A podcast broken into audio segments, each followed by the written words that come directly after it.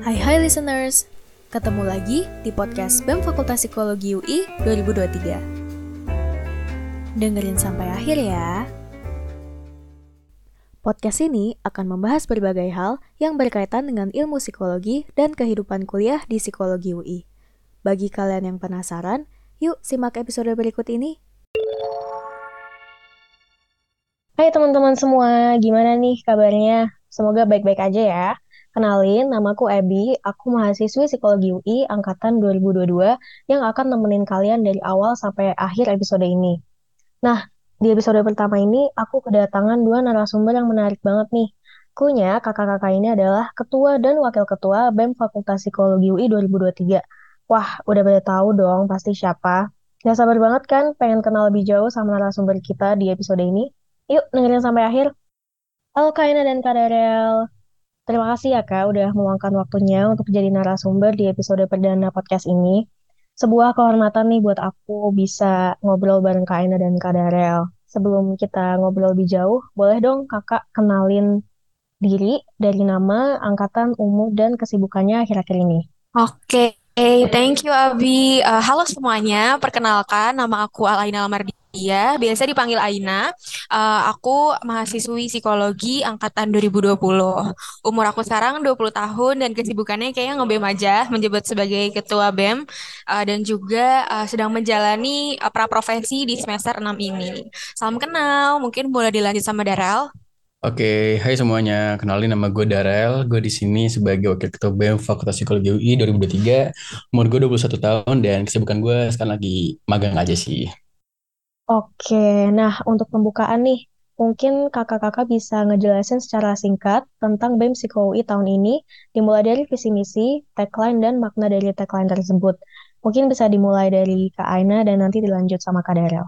Oke, jadi BEM Fakultas Psikologi UI tahun 2023 ini membawakan suatu visi nih, yang mana visinya itu menjadi inkubator pergerakan mahasiswa yang eksploratif dan kohesif untuk melanjutkan kebermanfaatan yang nyata dan bermakna bagi psikologi UI, UI, dan Indonesia. Nah, kita membawakan uh, enam misi yang mana mungkin aku coba jelasin secara singkat ya. Yang pertama pastinya mau ngebangun internal nih, yang uh, tahun ini BEM Psiko itu pengen membawa internal yang apresiatif, kolaboratif, partisipatif, dan juga progresif untuk menekankan terkait pemberdayaan diri dan organisasi. Lalu juga uh, ingin menjalin relasi nih yang pastinya yang relasi yang interaktif sama stakeholder-stakeholder kita dan juga berkelanjutan untuk mewujudkan kebermanfaatan yang lebih luas.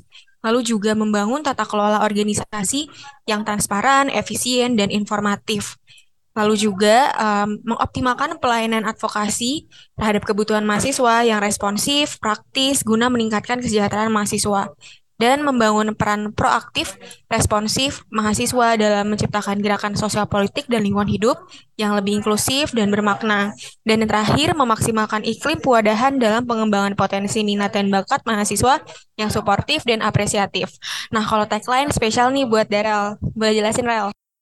Nah, kalau uh, tagline kita sendiri adalah artikel langkah nyata nih. Secara singkat apa sih artikel langkah nyata dan kenapa kita pengen itu sebagai tagline kita? Dan secara singkatnya, ini sebenarnya tuh kita pengennya uh, BEM Fakultas Psikologi UI mampu memberikan arti dari setiap langkah-langkahnya dalam menyebarkan kebermanfaatan yang nyata bagi Fakultas Psikologi UI, UI maupun Indonesia. Nah, jadi karena itu kita merasa tepat bahwa oh ini akan kita jadikan nih sebagai tagline kita tahun ini dan semoga aja tagline ini akan terus teringat dan juga terimplementasikan ke fungsionaris semua BEM dan juga ke diri kita juga masing-masing. Gitu sih, Bi. Oke, semoga uh, tagline yang tadi bisa kita implementasikan dengan baik ya tahun ini. Nah, Tadi kita udah denger nih perkenalan singkat tentang BEM Fakultas Psikologi UI. Buat teman-teman yang mungkin masih penasaran ada biro dan departemen apa aja sih yang ada di BEM Psikologi UI, boleh banget langsung cek YouTube channel kita di BEM Fakultas Psikologi UI untuk nonton profile video kita. Oke deh, sekarang waktunya buat kita kenal lebih deket nih sama Kaina dan Kak Darel. Kalau boleh tahu, apa sih alasan kakak berdua untuk akhirnya maju jadi KBEM dan Wakabem tahun ini?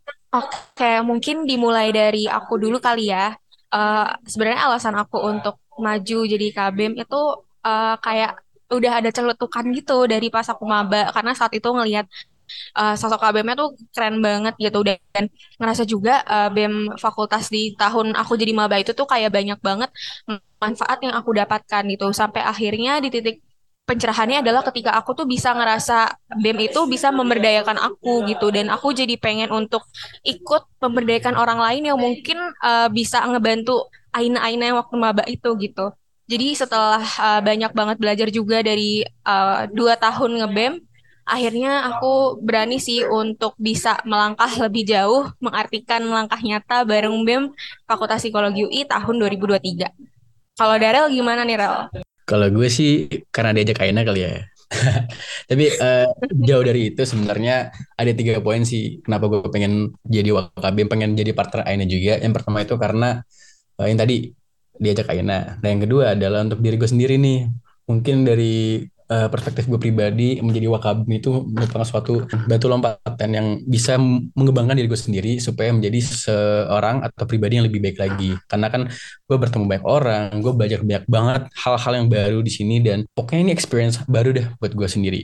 Nah untuk yang terakhir adalah ingin memberikan impact atau enggak sesuatu benefit ke teman-teman sekalian dan juga ke teman-teman Fakultas Psikologi UI serta juga ke masyarakat UI aja sih gitu. Tapi sebagai tambahan menurut gue Darel adalah partner yang paling tepat sih untuk gue aja karena selama sejauh ini karena selama sejauh ini Darel bisa melengkapi gue dan ngajarin gue banyak hal gitu sih. Jadi gue nggak salah untuk mengajak Darel dan makasih sudah uh, menerima gue juga Rel aja. Nah, ya. Udah dapet efek aja gue nih. Cuman gue uh, setuju banget sama Ina. Gue juga gak menyesal. Gue udah menerima tawaran dari Ina. Gue belajar banyak juga nih dari Ina sendiri dan kayaknya kita kayak ini ya. Walaupun banyak banyak nih perbedaannya benar, dari perspektif, dari mikiran, tapi kayaknya kita ada satu cara nih untuk menangkal hal tersebut dan ya, akhirnya membuahkan hasil yang baik aja gitu. Itu menurut gue. Benar-benar, walaupun rintangannya banyak, tapi tetap bisa uh, dilakukan, dijalani, dilalui bareng-bareng sih, gitu Bi. Wah, jadi despite semua perbedaannya, ternyata Kaina dan Kak Daryl bisa saling melengkapi dan akhirnya bisa bekerja sama dengan baik ya. Oke deh. Nah, uh, untuk jadi KBM dan WKBM pasti banyak banget rintangan dan hambatan yang udah dialami kan sejauh ini. Nah, gimana sih cara kakak untuk bisa ngelewatin berbagai tantangan dan rintangan itu? Mungkin dari gue dulu kali ya. Uh, ini rintangannya banyak. Boleh, boleh. Oke, kalau misalnya ngomong soal rintangan tuh banyak banget dari berbagai variasi, dari berbagai arah tuh banyak banget. Terutama mungkin kita sebut aja dari awal ya, kita kesusahan di korbit dan juga kita kesulitan untuk mempersatukan perspektif. Cuman dari gue pribadi untuk melewati rintangan tersebut adalah satu sih komunikasi. Uh, mungkin di awal-awal komunikasi gue sama itu masih kurang, kita masih agak uh, baik yang gemis. Cuman lambat waktu kita makin menemu nih gimana cara kita masing-masing berkomunikasi, gimana sih cara kita saling mengungkapkan perasa perasaannya dan juga concernnya masing-masing kepada satu sama lain dan sebenarnya itu sih yang salah satu cara untuk melewati rintangan tersebut. Kalau misalkan gue pribadi nggak komunikasi apa yang gue rasakan, apa yang gue concern dengan kepada Ina, kayak bakal susah lagi deh, bakal jauh lebih berat lagi. Tapi gue sama Ina juga udah sepakat dari awal kalau misalkan ada apa-apa langsung aja ngomong dan itu menjadi satu hal yang eh, menguntungkan bagi kita berdua sih. Dan alhamdulillah itu menjadi dorongan kita berdua untuk saling bisa membantu, membahu-bahu satu sama lain. Gitu. Kalau Ina gimana, nak? Hmm, aduh, kalau ditanya rintangan tuh sebenarnya banyak banget gitu. Tapi uh, walaupun banyak rintangan, tapi juga banyak hal yang menyenangkan sih. Cuman uh, menurut gue yang paling berkesan dari rintangan-rintangan yang ada sejauh ini adalah rintangan yang mampu untuk membangun dan mengembangkan diri gue lebih dan lebih lagi gitu sih. Kayak salah satunya tadi apa yang udah Daryl sebutin soal komunikasi. Karena kan di BEM kan organisasi ya, itu banyak banget nih orang-orangnya, banyak banget kepalanya. Dan dari rintangan itulah uh, gue belajar untuk gimana sih caranya biar bisa uh, juga memahami uh, rekan kerja kita gitu dan juga untuk bisa tetap menyampaikan dengan baik juga uh, apa sih yang jadi kebutuhan dan apa yang jadi ide kita gitu loh. Jadi biar apa ya kita berdua tuh bisa saling bertumbuh juga bagi gue maupun bagi Darel, bagi korbit-korbit maupun bagi BPH dan staff gitu. Jadi di sini um, rasanya tuh gue belajar untuk bisa mempercayai satu tim juga gitu itu mungkin soal hubungan interpersonal yang ada di BEM dan cara kerjasama. Tapi selain itu rintangannya juga karena jadi ketua BEM wakil ketua BEM itu harus bisa untuk lebih berani juga sih. Misalnya kayak berani nyatain pendapat di luar forum BEM sendiri maupun kayak coba hal-hal baru gitu. Kayak misalnya kalau ada aksi-aksi gitu gue coba untuk orasi gitu itu suatu hal yang jarang banget gitu. Dan mungkin yang terakhir karena gue juga perempuan gitu sebenarnya gue kayak takut itu sih kayak ngerasa kayak pemimpin perempuan gak akan bisa didengar gitu tapi gue ngerasa di UI sendiri budaya itu udah mulai mulai apa ya mulai budaya untuk juga bisa uh, memberdayakan perempuan di konteks kerja tuh udah mulai tinggi juga sih gitu jadi gue nggak perlu khawatir gitu Oke, nah ini sebenarnya pertanyaan personal sih dari aku. Cuma gimana sih kakak buat untuk bisa resilient gitu? Sebenarnya hal menarik sih resiliensi karena dari gue pribadi gue masih mencoba untuk belajar untuk menjadi seorang resilient. Cuman sejauh ini bagaimana cara gue berresilience adalah yang satu yang pertama paling penting sih peduli dulu sih apa yang gue pengen bawakan gitu loh.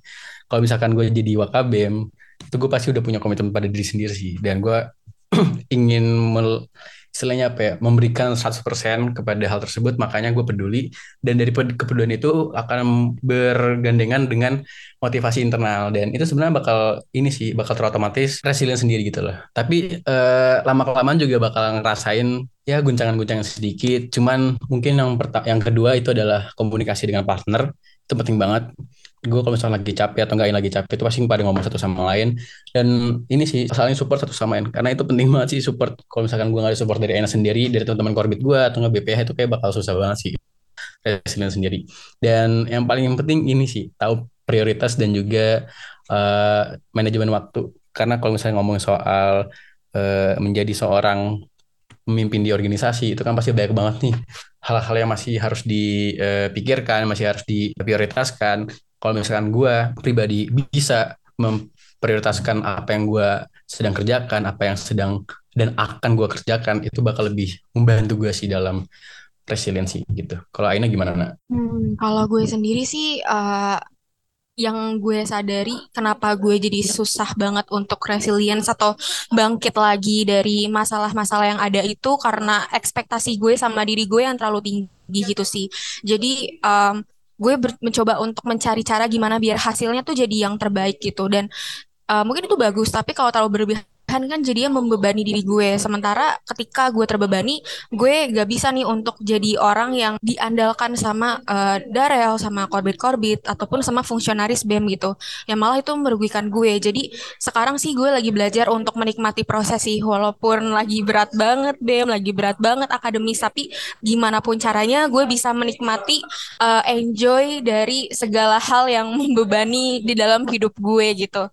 Dan itu sih salah satu pemikiran yang jadi titik balik gue adalah kapan lagi gue bisa enjoy uh, ngebem ngebem gini organisasi gini sebelum gue lulus gitu jadi ini adalah momen yang tepat untuk gue bener-bener invest waktu tenaga dan apa pun demi bem gitu sih jadi mau bener-bener menghargai waktu yang ada meskipun waktu itu juga harus gue laluin dari penderitaan-penderitaan yang ada gitu sih Bi. Dan gue setuju banget nih apa kata Iana di mana enjoy di proses itu penting banget. Jadi kalau misalkan lo bisa enjoy proses apa pun yang terjadi, dalam perjalanan itu lu pasti bakal lebih mudah atau enggak lebih terbantu untuk adaptasi sih. Itu sih kalau dari gue sendiri ya. Jadi yang aku tangkap sama apa yang Kaina dan Kadara ngomongin sih be in the present aja ya. Kayak jalanin aja apa yang ada di depan mata. Nanti juga ya as time goes by pasti kita bisa ngelewatin itu semua. Oke tadi Kak Daryl sempat ngomongin tentang time management nih. Nah gimana nih cara Kak Daryl dan Kaina untuk um, mengatur waktu antara kegiatan akademik dan non akademik karena pasti kegiatannya uh, Kak Ena dan Kak Daryl beda ya. Tadi Kak Ena uh, praprof terus Kak Daryl magang. Mungkin kalau aku sih simpelnya untuk time management itu buat jadwal aja sih, buat jadwal sendiri. Uh, jadwal di kalender, Google Calendar ataupun kalau aku sih bikinnya di dalam Docs gitu ya. Jadi bisa dikreasikan sesuai yang aku butuhkan. Tapi yang paling penting tuh sebenarnya kita tahu porsinya aja sih dan kita disiplin dan uh, coba untuk tekun aja gitu. Kalau misalnya hari ini ada tugas dan harus dikelarin hari ini ya kita harus berkomitmen untuk ngerjain tugas itu dulu gitu dan uh, apa ya mungkin work life balance juga penting sih dan, dan itu kayaknya suatu proses yang akan terus terus menerus untuk gue pelajarin selama hidup gue gimana caranya biar bisa seimbang juga antara kerjaan dan waktu main gue, waktu me time gue gitu. Gitu sih Bi. Kalau Darel gimana nih Rel? Hmm, kalau ngomongin time management itu agak tricky buat gue sendiri sih, karena gue masih eh, banyak banget kemis nih soal manajemen waktu. Cuman dari dari selama gue menjabat eh, dan berpartner dengan Aina, gue banyak banget belajar tentang time manajemen waktu karena Aina itu tipikal orang yang sangat detail banget nih soal jadwal dan eh, gue boleh mencoba untuk mempelajari cara Aina memanage waktunya sendiri dengan cara detail. Mungkin dari yang gue lihat sendiri nih, Aina tuh suka listing-listing apa yang mereka, apa yang dia ingin kerjakan. Gue mulai belajar nih, oh gue harus jabarin dulu nih kira-kira apa aja yang harus gue kerjakan, gue rapikan jadwal gue sesuai dengan apa yang ingin gue kerjakan. Jadi gue lebih tahu aja gitu loh, gimana cara untuk manage waktu gue, karena lebih visible aja gitu loh. Kalau misalkan jadwal nggak visible kan kita nggak ngerti nih apa yang ingin kita kerjakan gitu loh. Jadi intinya harus memvisibelkan jadwal kalian aja sih. Dan sisanya ya kalau gue pribadi gue nggak bisa yang multitasking. Jadi kalau misalnya ada suatu tugas atau enggak task yang diberikan, gue coba untuk memprioritaskan terlebih dahulu mana yang lebih penting dan gue kerjakan terlebih dahulu sih satu-satu baru gue bisa lanjut ke kerjaan lainnya. Kalau gue sendiri kayak gitu sih. Mungkin agak beda sih sama yang bisa multitasking. Gue sama dia. Eh, tapi ini kayak podcast ini bakalan saling kita saling ubuan rel karena gue bakalan bilang juga justru gue baru banget kemarin belajar kalaupun ada hal yang oke gue emang ngelis nih jadwal-jadwal gue tapi penting juga eh, untuk tahu kapabilitas diri kita sih kayak kalau misalnya dalam satu jadwal itu udah sibuk banget mending coba didelegasiin atau minta bantuan eh, partner ataupun minta bantuan temen gitu sih karena uh, Dara mengingatkan gue kalau lo emang bener-bener gak kuat, mending didelegasiin daripada terlalu maksain dan akhirnya jadi nggak maksimal gitu. Itu juga salah satu pen- hal penting sih untuk mengatur waktu gitu. Gitu dah. Lanjut, Wi. Iya benar banget. Aku juga pribadi suka ngelisting kayak kerjaan-kerjaan tugas-tugas apa yang aku harus kerjain, terus baru atur prioritasnya mana yang paling tinggi, baru nanti aku kerjain mulai dari mana gitu. Oke deh, sebagai KBM dan WKBM nih, pasti kakak-kakak sering banget dong datang ke berbagai acara yang mengharuskan kakak untuk melakukan public speaking.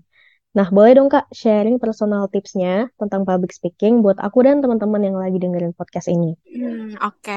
Sebenarnya em, soal public speaking ini tuh hal yang juga lagi aku pelajarin sih gitu. Sebenarnya aku juga belum pernah ikut kayak kelas-kelas atau seminar soal public speaking. Cuman yang eh, apa ya, yang selama ini aku lakukan adalah di tahap untuk memberanikan diri dulu aja sih untuk nyampain apa yang pengen kita sampaikan gitu. Em, misalnya kayak aku pertama kali coba orasi itu waktu jadi KBM gitu. Dan sebenarnya tuh banyak banget kekhawatiran. Kayak duh orang-orang uh, bakalan dengerin gue nggak ya? Omongan gue bakalan kayak gimana? Dan segala macam segala macamnya. Tapi sebenarnya yang gue tahu sekarang adalah gue harus uh, gimana caranya untuk bisa lebih berani aja gitu. Lebih percaya diri dan tadi menurunkan ekspektasi gitu ya. Karena kan saat ini gue lagi belajar juga gitu. Lagi menjalani prosesnya juga gitu untuk uh, belajar hal-hal baru ini gitu. Jadi menurut gue um, mungkin teknis-teknisnya, um, teori-teorinya bisa kita coba pelajarin dengan ikut kelas-kelas yang ada. Tapi yang menurut gue paling penting dan paling susah adalah gimana cara untuk memberanikan diri dan mau untuk belajar dari kesalahan-kesalahan yang ada dan menjalani prosesnya gitu sih, Bi. Ini kayaknya Aina ambil jawaban gue sih. Tapi intinya sebenarnya gue 100% setuju sama Aina. Kalau misalnya soal teknis itu mungkin gue sama Aina bukan masternya, bukan mahir di bidang tersebut. Cuman yang lagi kita proses untuk belajar adalah keberaniannya sih. Yang penting coba aja dulu uh, berani ngomong di depan umum, berani di, ngomong di depan teman-teman sendiri, dan kalau misalnya kita nggak ngomong, kita nggak mencoba untuk memberanikan diri, kita nggak tahu mana yang salah gitu loh. Jadi ya banyak-banyak aja belajar, banyak-banyakan pengalaman untuk berbicara di depan umum, karena itu bakal ngebantu banget sih untuk mengetahui apakah kamu sudah optimal atau belum. Gitu sih. Dari gue sih, yang penting coba aja dulu, nggak usah takut emang walaupun takut itu emang pasti ada cuman uh, pasti bakal worth it sih nervousnya gitu sih Oke, jadi intinya coba aja dulu ya, berani aja dulu. Oke, nah nggak kerasa nih kita udah ada di pertanyaan terakhir aja. Oke, mungkin terakhir ada nggak pesan dari Kak Ena dan Kak Darel untuk kepengurusan BEM Fakultas Psikologi UI tahun ini? mungkin pesannya dari gue dulu karena Aina pasti bakal panjang banget uh, dari gue pribadi untuk teman-teman fungsionaris BEM Fakultas Psikologi UI 2023 gue pengen ngucapin aja selamat berkembang bersama-sama gue pengen kalian menjadikan ini sebagai satu wadah untuk berkembang, untuk belajar banyak bersama teman-teman kalian, dari teman-teman kalian sendiri, dari teman-teman uh, eh, BPH kalian ataupun dari TIT-nya. Ini menjadi wadah yang tepat aja gitu loh. Jangan jadikan BEM Fakultas Psikologi ini sebagai suatu beban gitu loh. Karena gue sama Ina pribadi nggak mau ini menjadikan satu hal yang menahan kalian untuk berkembang. Enggak, justru kita pengen nih memberikan ini sebagai tempat kalian untuk eksplorasi diri, untuk uh, transfer knowledge kepada teman-teman yang lain aja gitu. Dan intinya mencoba aja hal yang baru tapi juga berani mempertanggungjawabkan apa yang kalian bawa. Itu aja sih pesan gue selama satu tahun ini. Semangat pokoknya jangan khawatir jangan lupa untuk bikin diri sendiri dan juga tenang aja bakal ada BP kalian ada bakal korbit-korbit kalian dan juga ada gue mainnya yang bakal ngebantu dengan tenang hati gitu. Oke, um, gue mencoba untuk gak sepanjang itu deh. Singkatnya gue mau coba untuk naik ke teman-teman fungsionalis juga sih kayak kapan lagi sih kita bisa nikmatin waktu bareng-bareng dengan segala suka dan duka yang ada di BEM gitu loh di mana um, di sini gue sama Daryl juga berkomitmen untuk memberikan wadah eksplorasi bagi teman-teman fungsionaris semuanya untuk belajar hal-hal yang ingin mereka pelajari maupun menemukan hal-hal yang baru pertama kali mereka temukan di BEM maupun uh, bisa lebih berkembang lagi dan lagi ataupun ada juga yang mau untuk memberikan manfaatnya bagi sekitar gitu. Jadi gue berharap ya semoga kita semua sama-sama enjoy uh, the process dan juga sama-sama bisa ngerasa oke okay, kita emang ngerasa lagi berat banget tapi uh, ini cuma untuk satu tahun dan semoga bisa berkesan untuk di tahun-tahun berikutnya bahkan mungkin sampai udah lulus atau sampai kapan pun gitu. Jadi uh, gue cuma pengen berharap bisa ngajak teman-teman untuk enjoy prosesnya bareng-bareng gitu sih Bi. Kayak kalau ditambah lagi bakalan gue bisa bikin uh, buku gitu saking panjangnya. Tapi semoga um, BEM tahun ini benar-benar bisa memberikan kesan bagi setiap fungsionarisasi kesan apa pun itu yang menyenangkan, bisa lebih baik lagi, bisa bermanfaat bagi mereka. Amin. Oke, semoga kepengurusan tahun ini kita bisa belajar bareng-bareng dan bisa berproses bareng-bareng ya semuanya. Oke deh, karena tadi udah pertanyaan terakhir, thank you so much buat Kaina dan Kak Darel udah meluangkan waktunya nih buat sharing pengalaman dan ilmunya buat kita. Sukses terus untuk Kaina dan Kak Darel. Semoga teman-teman bisa lebih mengenal BEM Fakultas Psikologi UI 2023 dan juga mendapatkan pengetahuan baru. Oke, sekian dari aku untuk episode kali ini. Jangan lupa pantengin Spotify BEM Fakultas Psikologi UI untuk episode-episode barunya. Thank you buat teman-teman yang udah dengerin sampai akhir. See you on the next episode. Segitu dulu perbincangan kita kali ini. Stay tune untuk episode selanjutnya. Bye-bye.